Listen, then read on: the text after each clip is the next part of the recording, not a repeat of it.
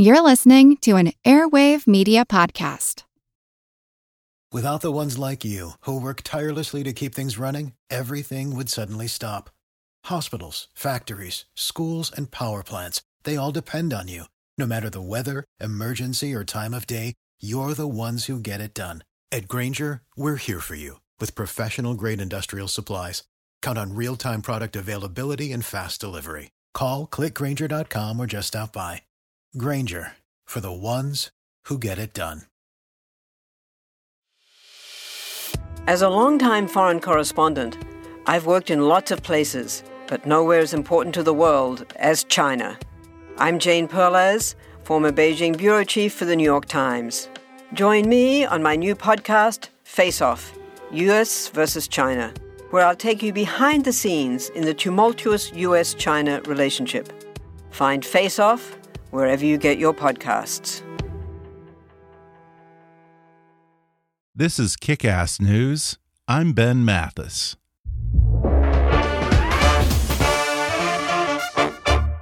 Hey, folks, I know you love podcasts. Believe it or not, there are a lot of people out there who still haven't been turned on to podcasts or don't really know what a podcast is. So help celebrate Podcast Month by sharing kick ass news or any of your favorite podcasts with at least two friends. Or better yet, share us with all your friends on Twitter or Facebook and be sure to tag us when you do and use the hashtag trypod. That's T R Y P O D. Spread the word about this podcast or any podcast. And if you want to do something else to support Kickass News, then donate to our GoFundMe campaign at gofundme.com slash kickassnews. Believe it or not, this show costs actual money, and your contribution will help offset some of those costs. So become a part of what I'm doing here by going to gofundme.com slash kickassnews and making a donation. Thanks for listening. And now enjoy the podcast. From my perspective, I'm a political exile. But according to the U.S. Department of Justice, I'm a cyber terrorist. Virtual reality, is a way to confront PTSD to get past it. I don't like seeing people abused. There was nights that I would cry not knowing what to do. It is not hard to connect with something that's not real. I'm programmed to love just you. If you think ISIS has a presence on social media, we haven't seen anything. Hi, I'm Ben Mathis, and welcome to Kick Ass News. That was a preview of season two of the provocative docu-series Darknet, which premieres Thursday, April 6th at 10 p.m. Eastern on Showtime. Darknet chronicles the ways in which the internet has pervaded our communities, relationships, and minds, exposing the dangers of an unregulated, unsupervised digital frontier. Following its eye opening debut last year, the second season of Darknet takes viewers on sharper, even more unnerving turns as it depicts the perilous consequences that result when the virtual world invades every aspect of our lives our homes and communities, our money and jobs, and even our bodies, minds, and identities. The series exposes how we unwittingly surrender access to the most personal aspects of our lives out of our dependence on technology and willingness to do anything for convenience. Darknet is produced and developed by the media arm of the cutting edge news site Vocativ. Vocativ's proprietary data software mines the deep web, the 80% of the internet beyond the reach of regular search engines, to reveal hidden perspectives, unheard voices, and emerging trends, and enable Darknet to expose critical stories of a dramatically changing and dangerous world. Vocativ and Darknet are the brainchildren of billionaire Israeli tech entrepreneur and investor Mati Kochavi. He's the founder and CEO of AGT International, a global provider of advanced public safety and security solutions that provides security services and research in a wide variety of areas, including industrial, urban, cyber, transportation, maritime, border, and corporate security. He's also the founder and chairman of 3i Mind, the company that invented a proprietary technology called Vern, which monitors publicly shared content to pinpoint criminal activities and possible threats to both corporate and government clients. Vern is the same technology used by Vocativ to mine data in the deep web for the news that appears on Mr. Kochavi's docu-series Darknet. Today, Matti Kochavi talks about the mysterious world of the dark web, the digital equivalent of the Star Wars Cantina Bar, where anything goes, including illegal arms sales, sex trafficking, drug deals, child pornography, and forums and chat rooms facilitating hackers, terrorists, and other illicit communities. But according to Mr. Kochavi, the deep web is much more than that.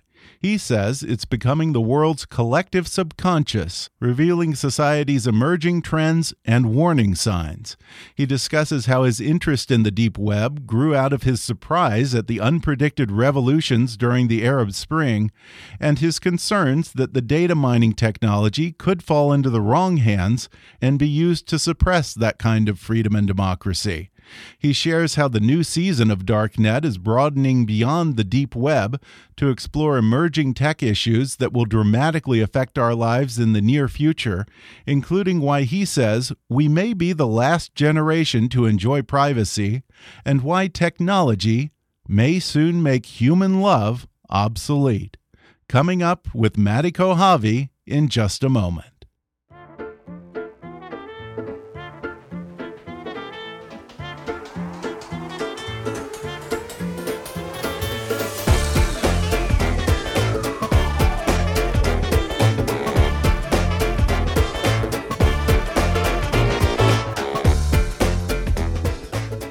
Matti Kochavi is creator of the Showtime documentary series Darknet, which partners with Mr. Kochavi's news company, Vocativ, to mine the deep web for some of the most fascinating and disturbing stories and trends hiding in the outer limits of the internet we don't see. Season 2 premieres Thursday, April 6 at 10 p.m. Eastern on Showtime. Matti Kochavi, thanks for joining me. It's a pleasure. Thank you for having me. Well, first of all, for those who may not be familiar with it, what exactly is the deep web or the dark web? There, there are many ways to uh, identify it and to define it, but just maybe the best way and the, best, easiest way to describe it is that it's everything which is uh, unindexed.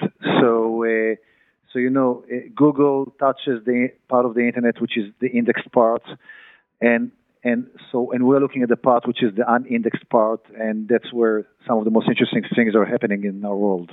You need different kind of tools to be able to look into that part. And what kind of transactions and interactions for example are going on in the dark web or the deep web?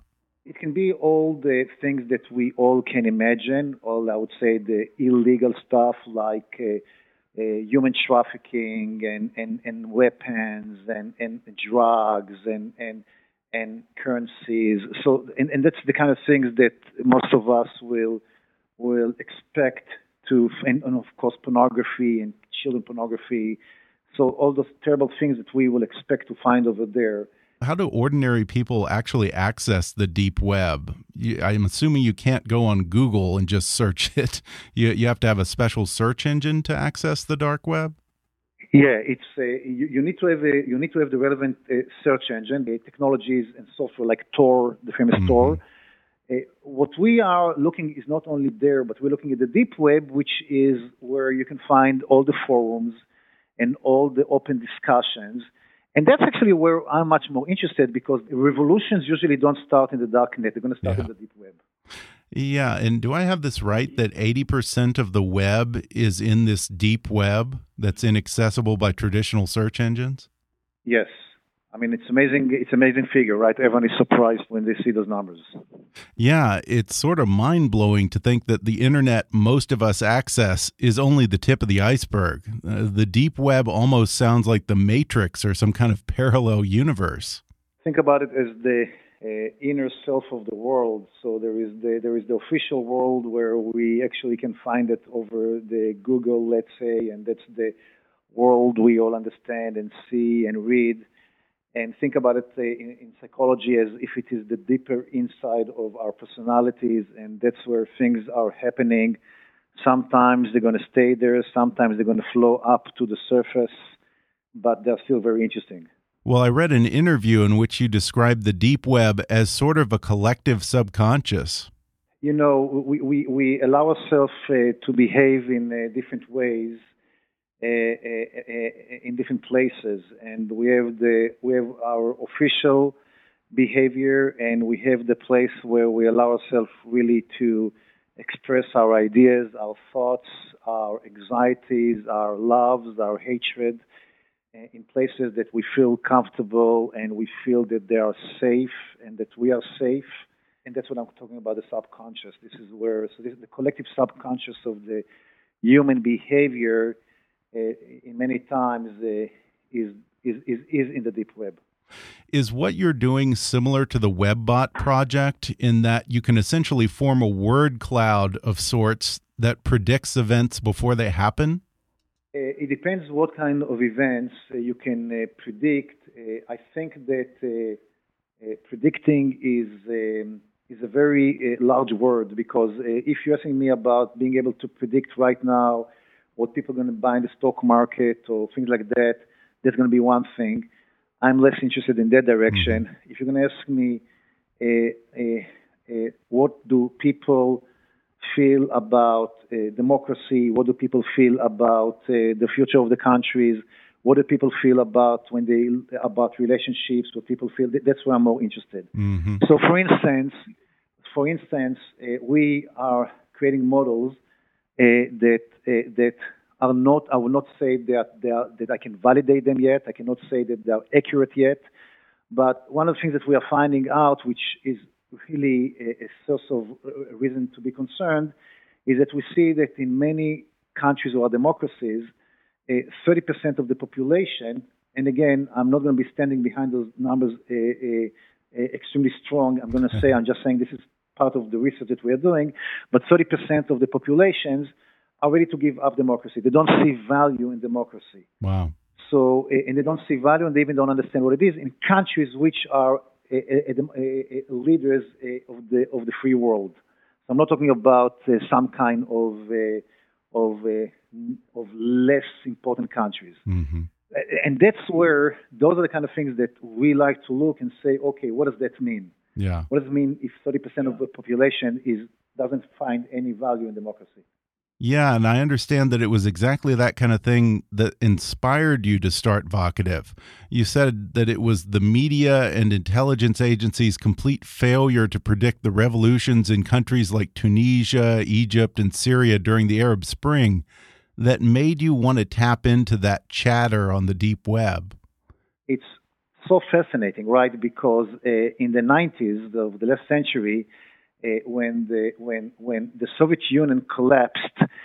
So the explanation of everyone was, uh, well, you know, there was a wall, and everything was on the other side of the wall, and and and we can't really know what hap- what's happening in Soviet Union, and they kept everything very, very, very, uh, very secured, and so we were so when there was the surprise of the collapse of Soviet Union there was enough explanation and enough, enough rationale uh, uh, to explain why couldn't we predict it.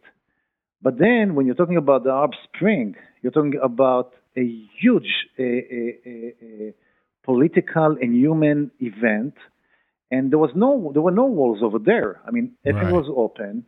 Uh, people visited those countries. People did business. People saw. You could have read in the newspaper. You could see what's happening in the streets, and yet all of us were surprised. And and and surprise of that magnitude should make each one of us a little nervous because it means what is it that we don't see? It's not just a small event which is hiding behind the walls of a country.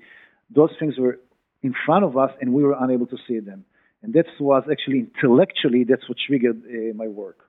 What would you say to those who have concerns that this sort of technology could actually be used to identify and suppress these movements if it were in the hands of less scrupulous countries?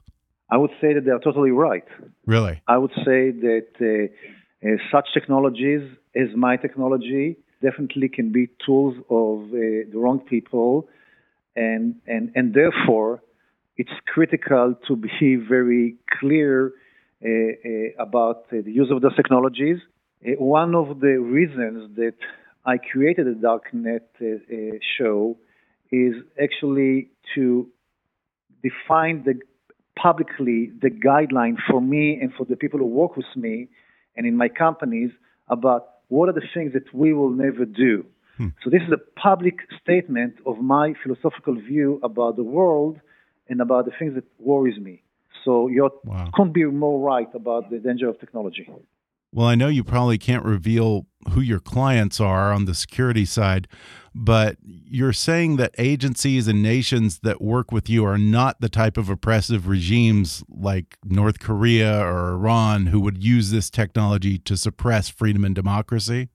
In my company, will be extremely very ethical about the customers should be democracies, should be uh, countries that we trust their mm-hmm. values and, and, and, and, and, and that are looking for public safety. Mm-hmm. Uh, I, I will know how they use the technology. I will know the way they're going to uh, work with the court and, and, the, and the legal system. And if, if those are democracies that uh, uh we feel comfortable with, then it's going to work. You know, one of the right. things that we created ethically is that one of the centers of our company is um, is in Germany. There's a reason why I picked up Germany uh, which is an interesting perspective, especially from my own background. Yeah, as an Israeli. yes, when we picked up Germany, is because I found Germany to be the country that is most sensitive uh, in Europe in uh, on privacy issues. Really, and that's why. Right. One. Yeah. So in many ways, they are they, they are very they are very uh, very uh, strict about it, and so I think that uh, building part of our technologies in a country like in Germany uh, uh, is also defining uh, the things that can be done and cannot be done. Well, I would assume that this technology to mine the darknet is very valuable to security and anti terror agencies. Are there cases where you've been able to mine data in chat rooms and social media, and perhaps it even led to arrests of terror cells? Yes, they will uh, be. They are using such technology for that purposes. And one of the things that we also decided is to use the same technology for journalism. Mm-hmm. And that was a major important philosophical breakthrough that we had, where we said, let's take the same technology and allow journalists to use this technology to tell a story. And I think that was a, it was a very different approach to this technology. You did your service in the IDF uh, working in intelligence. And I heard you say that Vocativ operates in some ways very similar to intelligence gathering agencies. So tell me a little about those practices. In what ways is Vocativ perhaps more similar to the NSA than the New York Times? Well, that's not uh, what I said. That's what uh, journalists said about us. Oh. Um, so it looks uh, extremely exciting to think about intelligence organizations uh, uh, my military service, I'm 54 years old, so it was about 30 something years uh, ago. and um, we like to say in Israel that every one of us is potentially a general, but I wasn't one. I was only three years. I was only four years. so I'm sorry I can't really give you a real exciting insight about how intelligence works. I, I, might tell you that it helped me sometimes in getting good dates, but it was always yeah. bullshit. okay. Well, I wonder when when your company Vocativ mines the deep web for stories, is it a little bit like putting together a jigsaw puzzle in that you're picking little pieces of data from here and there and then analyzing it and trying to form a big picture? It's a great question. And in, in one of the stories that we have in the second season in Showtime, uh, we talk about uh, robots. Mm -hmm. What we found out many times when people talk in the deep web about a robot, they're not talking about purchasing a robot, they're talking about uh, adopting a robot. Hmm. That the linguistics tool will show us that when people talk about robots, they talk about them as adopting, which means, it might mean, that they are giving them the characters of human. You don't adopt a, a car and you don't adopt a, a furniture. And that's where we will start connecting the dots. We're going to say, people talk about the feelings of the robot, I love the robot. I want to adopt a robot. And then that's where our story begins. What does this mean? Well, we're going to take a quick break, and then we'll be back to talk more with Matti Kochavi, creator of Showtime's Dark Net, when we come back in just a moment.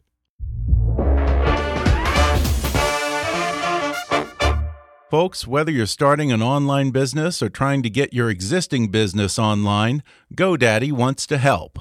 GoDaddy's mission is to radically shift the global economy toward life fulfilling independent ventures, helping customers kick ass by giving them the tools, insights, and the people to transform their ideas and personal initiatives into success. With more than 62 million domain names under management, GoDaddy is the world's largest technology provider dedicated to small business and the largest domain registrar. They have award winning 24 7 support and everything you need to build your online business. Whether you have a new idea or an established business, the key to success online starts with a great domain name, and GoDaddy is trusted by 13 million customers, more than any other registrar, with big savings over the other guys. And right now, my listeners can get 30% off new purchases on GoDaddy.com by using the code KICK30 at checkout.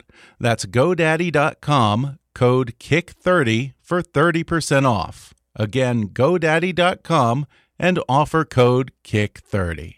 And now, back to the podcast. Darknet doesn't just focus on the seedy side of the deep web, but it also more broadly exposes the perhaps unanticipated problems and solutions that have arisen from the internet and new technology. Um, as someone who has been working in tech for many years, uh, I wonder what developments or uses for the internet have surprised you most? There are a lot of things in what we're doing today in technology that are resembled to the Industrial Revolution. But I'll tell you what the Industrial Revolution did not do.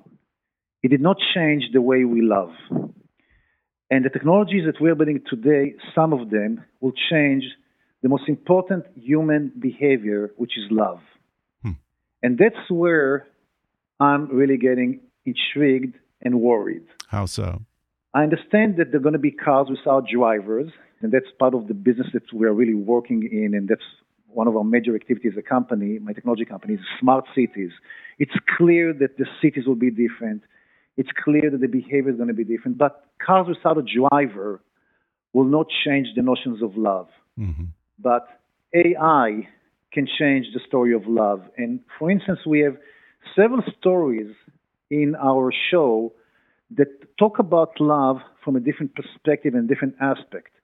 A mother that loves a robot almost the way she loves her own children. That's what she says. A woman who lost the man that she loved, and she created an algorithm that can uh, she can communicate with that algorithm and as if he is alive. So she keeps her love with an algorithm. A man who prefers to love a doll, uh, and the doll is not just going to be uh, giving him answers to his sexual needs, but actually she's going to talk to him and she's going to be responding to him. So as we were writing the second season, we said we are maybe the last generation who's going to love human beings. Wow. And that's where, and that's where I think this story becomes interesting. And I think that speaks to a new angle you're taking with the show in season two, because you're covering a lot more stories about how technology is affecting our lives for better and worse, instead of just stories originating from the dark web. In season one, we call ourselves the Darknet, and we related to the Darknet as the physical location in the internet. Right. So the purpose, the idea, the idea was we are going to the Darknet the, in the internet, and we're going to pull stories out of there.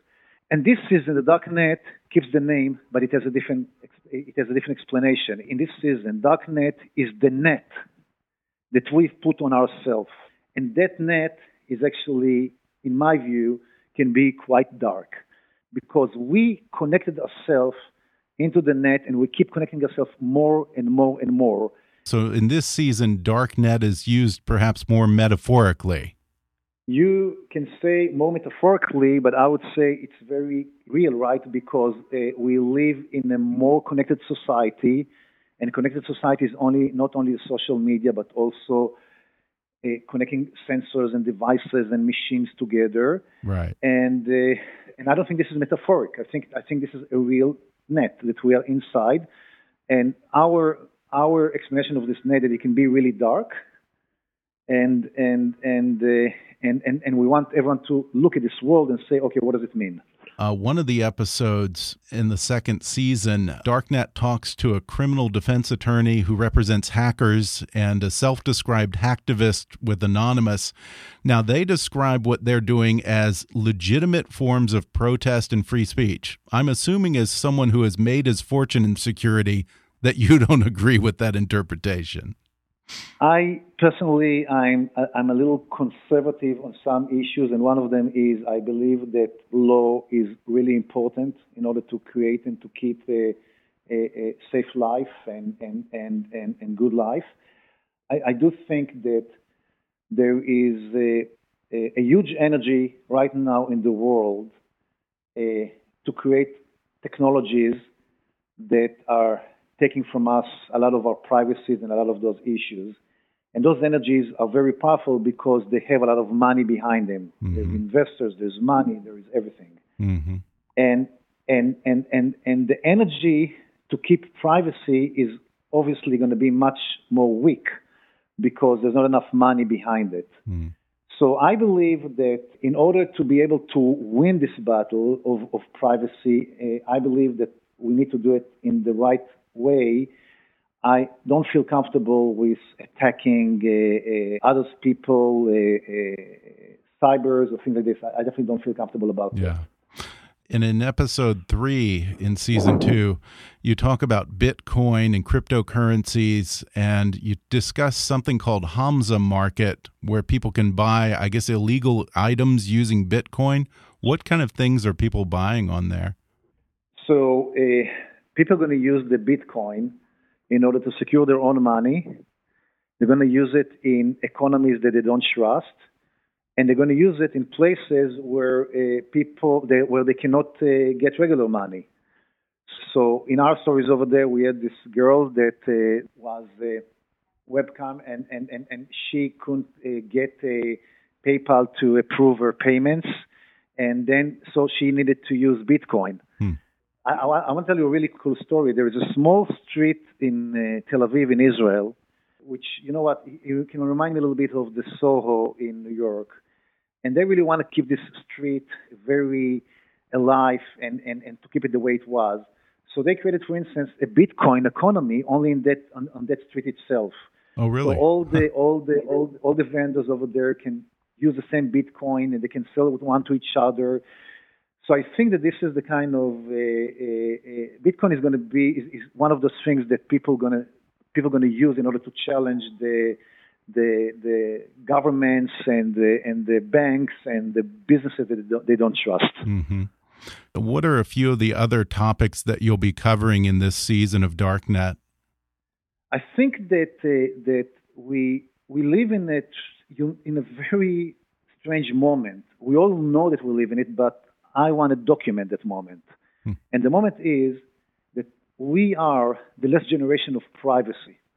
And I see privacy, by the way, as human right. Mm-hmm. But so what we are doing is we are documenting the last generation of privacy. And we're showing how privacy is moving away in, in, in, in, in, different, in different aspects of our life.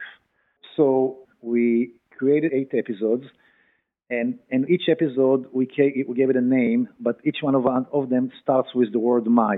So it's going to be my home, my community, my nation, my identity, my money, my uh, my mind. Now, so all of those stories start with the word my. I think that after you finish seeing the the the the the, the, the episode, you're going to understand that maybe we should remove the word my because it doesn't belong to you if you're going to see the episode. So my home, in the end, it's a home, but it's not anymore mine. Mm-hmm. Uh, my identity, the way it's going right now, in the end of the episode, it's not going to be anymore mine. Hmm. And, and, and, and the complex of our stories is uh, we have to, I mean, we are, we are documenting a moment in human history, and we still don't know what does that mean, but we're documenting it. Yeah. And and and it's complicated because you know it's easier sometimes to create scripted uh, uh stories around it. They're going to be much more cool, much more fun. I can play with them as much as I want. I can take them anywhere I want. Anyway, I can take it to the future with no problem. And here we are saying freeze. We are saying right now, here is right now a picture. Here's right now the way the world is, is the way the world behaves in a certain moment in a certain place, this is what's happening. And that's much more complicated, but it's documenting something and it takes away the freedom of creativity to do whatever you want. And that's, I think, a very, and, and we take this uh, role uh, very, very, uh, very, very seriously. Uh, you said that you originally wanted to be a journalist when you were younger, but you decided to go into the security field. Is Vocativ and this show Dark Net a little bit of you getting back to your first love, journalism? Every Israeli is a military service mandatory. Right. And, uh, I uh, had one too, and uh, so I finished my military service when I was 21, 22 and I think that uh, it took about 20 years later that I just went in. Uh, my company uh, also uh, expanded its business into public safety and security. Uh, but that was 20 years later, and it was more based on our technologies and our software and things like this. Mm-hmm. Um, and journalism and uh, history and philosophy were things that always were part of uh, my personal DNA. I never, I didn't study technology. My education is uh, history, and I came in from a house where my father was a scholar and my brother is a professor in history, and that's basically what uh, I was supposed to do uh, when I was young. That's the way I saw my life. Um, so. Uh, uh, history definitely and, and, and, and responsibility is definitely something which determines the way I, I do things and the way I care about things.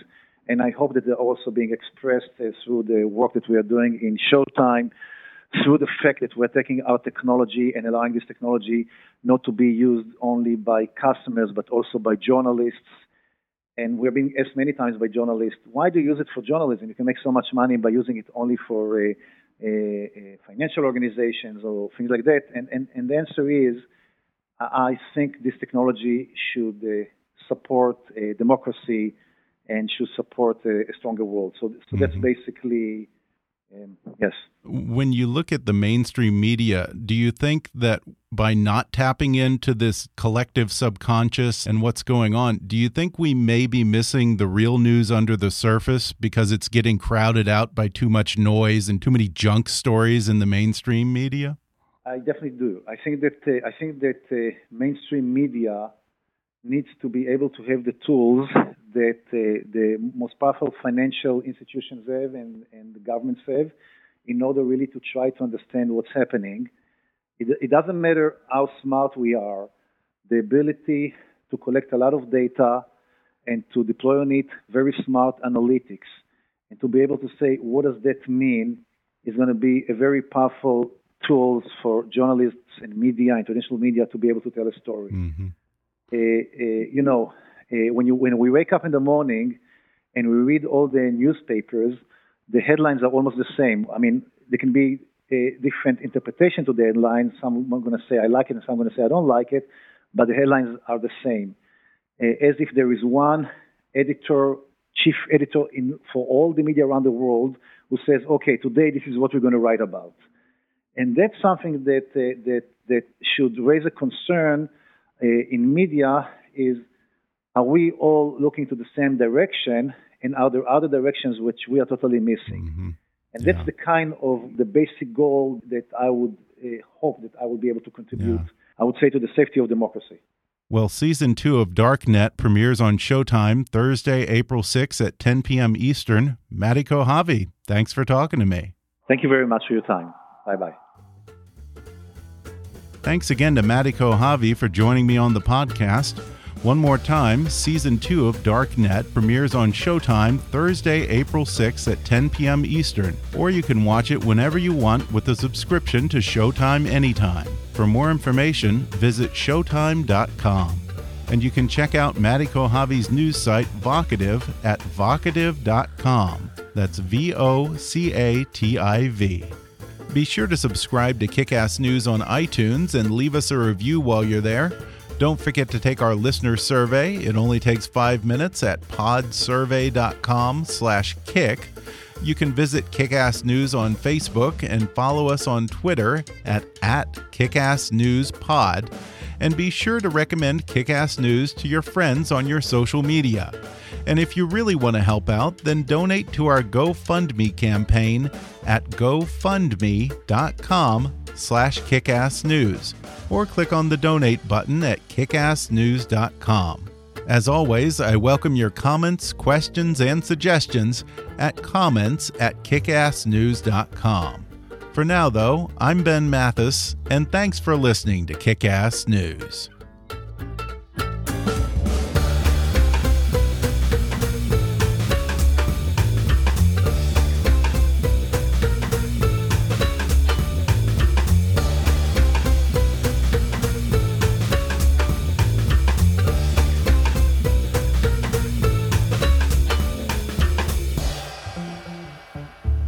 Kick Ass News is a trademark of Mathis Entertainment, Inc.